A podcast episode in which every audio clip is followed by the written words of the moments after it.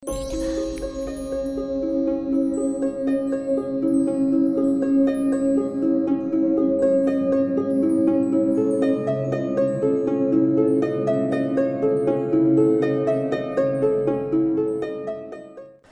malam dan selamat datang. Saya Denny, narator dari Rumah Horor Indonesia.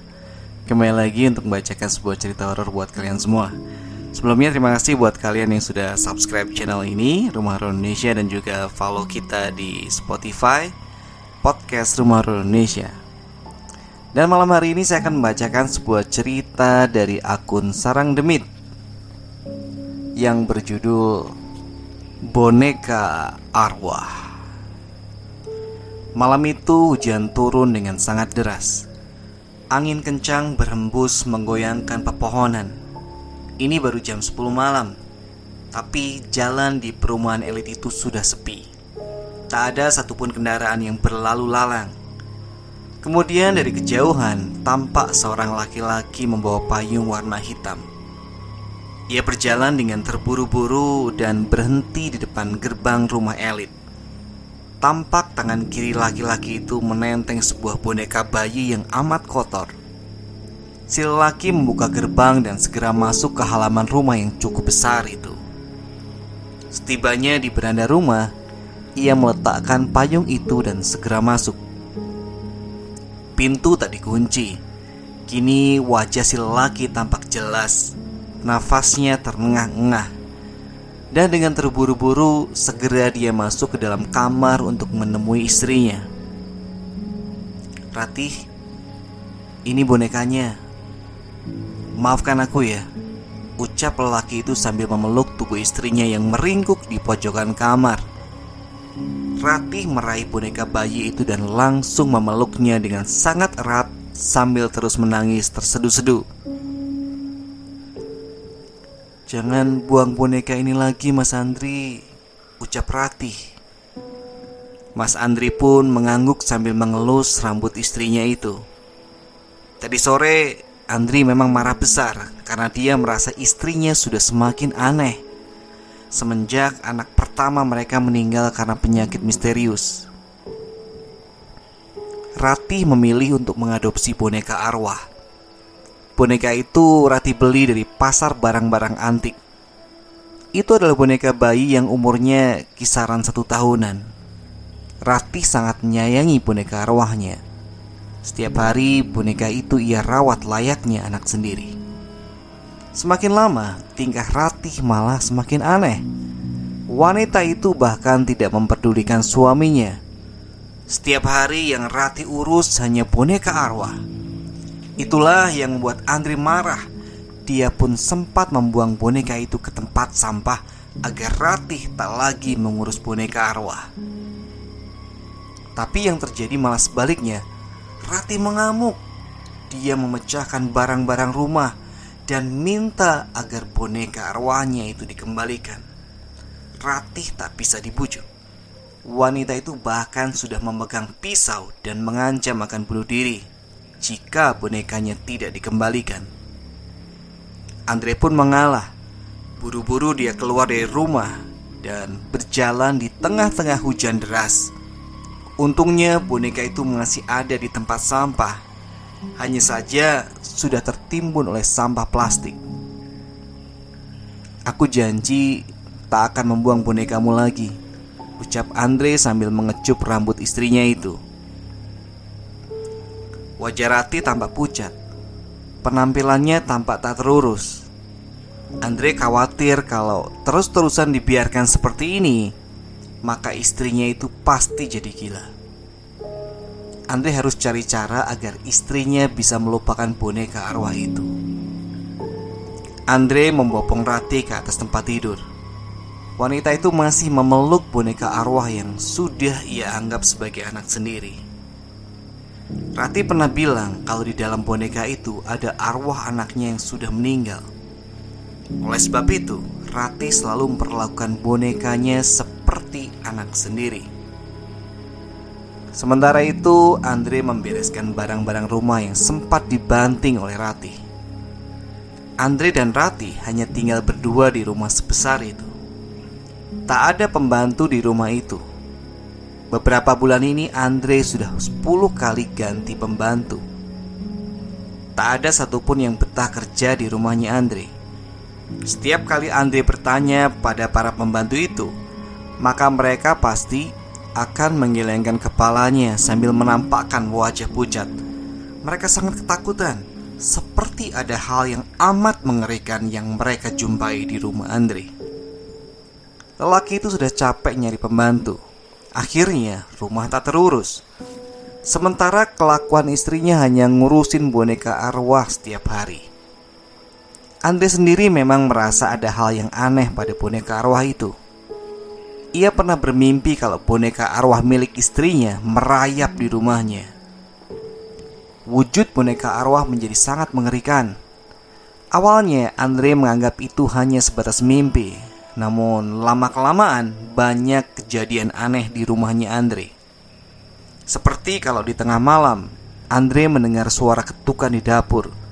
Juga langkah kaki seseorang yang mondar mandir di rumahnya Namun ketika Andre cek Tak ada siapa-siapa di sana Terlintas dalam benak Andre Ia ingin sekali menyewa seorang babysitter Untuk mengurus boneka arwah agar istrinya tak lagi mengurusi boneka itu. Sayang, kayaknya kamu kewalahan kalau harus ngurus boneka itu sendirian. Bagaimana kalau aku carikan babysitter? Kata Andre. Rati terdiam sejenak. Dia tampak sedang mempertimbangkan saran suaminya itu. Kamu jangan khawatir. Walaupun ada babysitter, kamu tetap bisa awasi boneka itu, ucap Andre. Ratih pun mengangguk. Besoknya, Andre langsung mendatangi yayasan penampung tenaga kerja babysitter. Ia masuk ke dalam kantor yayasan itu. Kami punya banyak persediaan tenaga kerja babysitter. Silakan dipilih, Pak. Ucap pemilik yayasan sambil menyodorkan sebuah buku yang berisi foto-foto tenaga kerja yang tersedia di yayasan itu. Kira-kira yang kerjanya sabar dan tekun yang mana, Pak? Tanya Andre. Sebenarnya semua pekerja di sini punya sifat sabar dan tekun. Tapi kalau boleh saya sarankan, Bapak ambil Mayang saja. Dia sudah sangat berpengalaman menjadi babysitter. Kerjanya sangat tekun dan sabar. Ucap pemilik yayasan sambil menunjuk salah satu foto di buku itu. Tampak foto seorang perempuan muda yang umurnya kisaran 25 tahunan. Oke kalau gitu Saya ambil Mbak Mayang ini Ucap Andre Pemilik yayasan pun memanggil Mayang Lalu muncullah perempuan yang parasnya cantik dan berbadan proporsional Pemilik yayasan memperkenalkan Mayang kepada Andre Dan tak lama kemudian setelah melakukan pembayaran Andre langsung membawa Mayang ke rumah Mayang sangat terkesan pada rumah Andre yang amat besar Wanita itu pun masuk dan dia memperhatikan setiap sudut ruangan yang terkesan elit itu. Kalau boleh tahu anak bapak umur berapa ya? Tanya Mayang. Andre pun tersenyum. Dia menyuruh Mayang untuk duduk di atas sofa. Sebenarnya yang bakal kamu urus tuh bukan anak-anak. Ucap Andre. Oh, masih bayi ya pak? Tanya Mayang. Andre menggelengkan kepala. Jadi apa pak? Boneka Ucap Andre Mayang mengerutkan keningnya Dia tampak kaget Kamu jangan khawatir Aku akan kasih gaji tambahan asal kau mau mengurus boneka istriku Ucap Andre Kemudian terdengar suara pintu yang dibuka. Dari dalam kamar muncullah Rati yang berpenampilan kusut. Wajahnya pucat, daster yang ia pakai juga lecek Rambutnya acak-acakan. Rati mengais sebuah boneka arwah yang sudah ia anggap sebagai anaknya sendiri. Rati duduk di samping suaminya. Mayang tampak ketakutan melihat penampilan Rati. Mayang berusaha untuk tenang Ini istriku dan ini boneka yang akan kau urus. Gak perlu ribet, kau cukup mengelapnya saja setiap hari dan mengganti pakaiannya Ucap Andre. Mayang terdiam sejenak. Dia pun mengangguk. Tak ada pilihan lain, Mayang harus terima pekerjaan itu. Lagi pula sudah dua bulan dia tinggal di asrama dan tak kunjung mendapatkan pekerjaan. Mayang butuh uang untuk membiayai keluarganya di kampung Maklum Mayang ini adalah tulang punggung keluarga. Ayahnya sudah lama meninggal.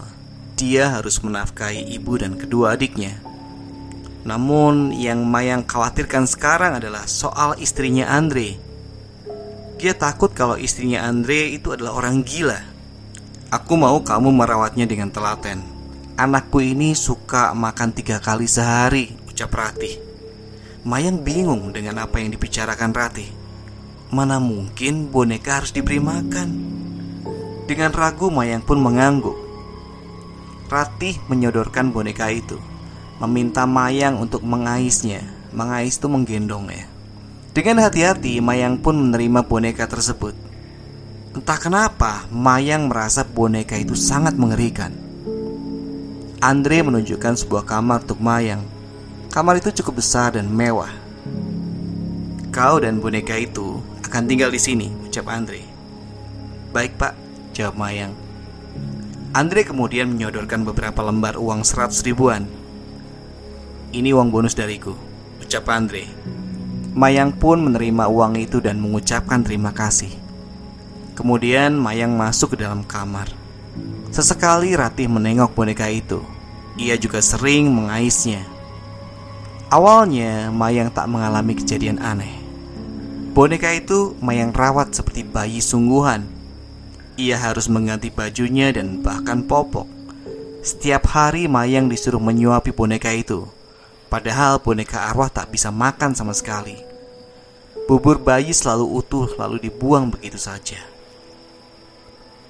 Di hari ke-10, Mayang mengalami kejadian yang aneh. Saat ia bangun di pagi hari, ia mendapati bercak air di lantai kamarnya. Mayang menengok ke atas. Dia pikir ada genting yang bocor, tapi plafon itu tetap kering, tidak basah sama sekali. Selama tiga hari berturut-turut, lantai di kamarnya Mayang selalu basah. Entah dari mana datangnya air itu. Mayang sudah lapor pada Andre dengan segera Andre memanggil tukang untuk mengecek atap rumahnya Tapi tidak ada yang bocor sama sekali Kemudian di hari berikutnya Mayang mendapati bubur bayi berceceran di dalam kamarnya. Mayang heran siapa yang melakukan ini semua? Karena penasaran malamnya Mayang bergadang. Dia ingin tahu ada apa sebenarnya di rumah ini. Singkat cerita jam 1 dini hari Mayang mulai ngantuk. Kedua matanya sendu. Namun tiba-tiba ia dikagetkan dengan suara gaduh yang berasal dari dapur. Itu seperti suara piring yang jatuh. Segera saja Mayang menghampirinya dan benar saja ada sebuah piring yang pecah. Belingnya berserakan. Mayang pun membersihkan serpian beling itu. Kemudian ia kembali ke kamar. Mayang pikir mungkin saja ada kucing liar yang berhasil masuk ke dalam rumah lalu memecahkan piring. Saat Mayang kembali ke kamarnya, dia kaget melihat keranjang bayi itu berayun-ayun.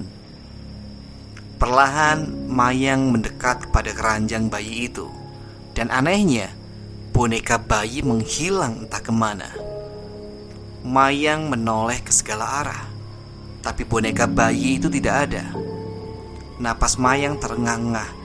Dia mulai ketakutan. Dari awal, Mayang curiga jangan-jangan boneka itu diisi oleh roh jahat. Kemudian ada air menetes dari plafon kamar itu. Mayang menunggakkan kepala dan dia melihat boneka itu merayap di plafon.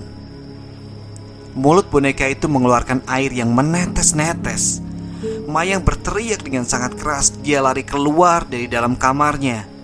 Saat itu di rumah hanya ada Ratih Karena kebetulan Andre sedang ada kerjaan di luar kota Mayang minta tolong Ratih pun keluar dari kamarnya.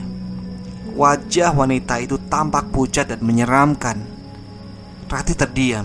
Dia berdiri di depan kamarnya sambil menatap Mayang dengan tatapan mengerikan. Mayang lari keluar dari rumah itu. Dia kapok bekerja sebagai babysitter boneka arwah. Semenjak saat itu tak ada babysitter yang betah bekerja di rumahnya Andre. Semakin hari kondisi Ratih semakin parah. Kini ia bisa dibilang punya gangguan jiwa. Andre tak tahan lagi, dia sudah kehabisan kesabaran. Andre pun memutuskan untuk menceraikan Rati. Wanita itu diantar pulang ke rumah orang tuanya. Rati bahkan sudah tak ingat lagi sama siapa pun. Dia tergila-gila pada boneka arwah itu. Bisa jadi ada roh jahat yang sudah mempengaruhi Rati. Oke teman-teman, sekian cerita horor kita untuk malam hari ini. Terima kasih untuk akun Sarang Demi yang sudah menceritakan cerita yang keren banget. Kalian yang suka silahkan follow twitternya. Terima kasih sudah mendengarkan sampai akhir. Sampai ketemu di cerita horor berikutnya. Selamat malam, selamat beristirahat.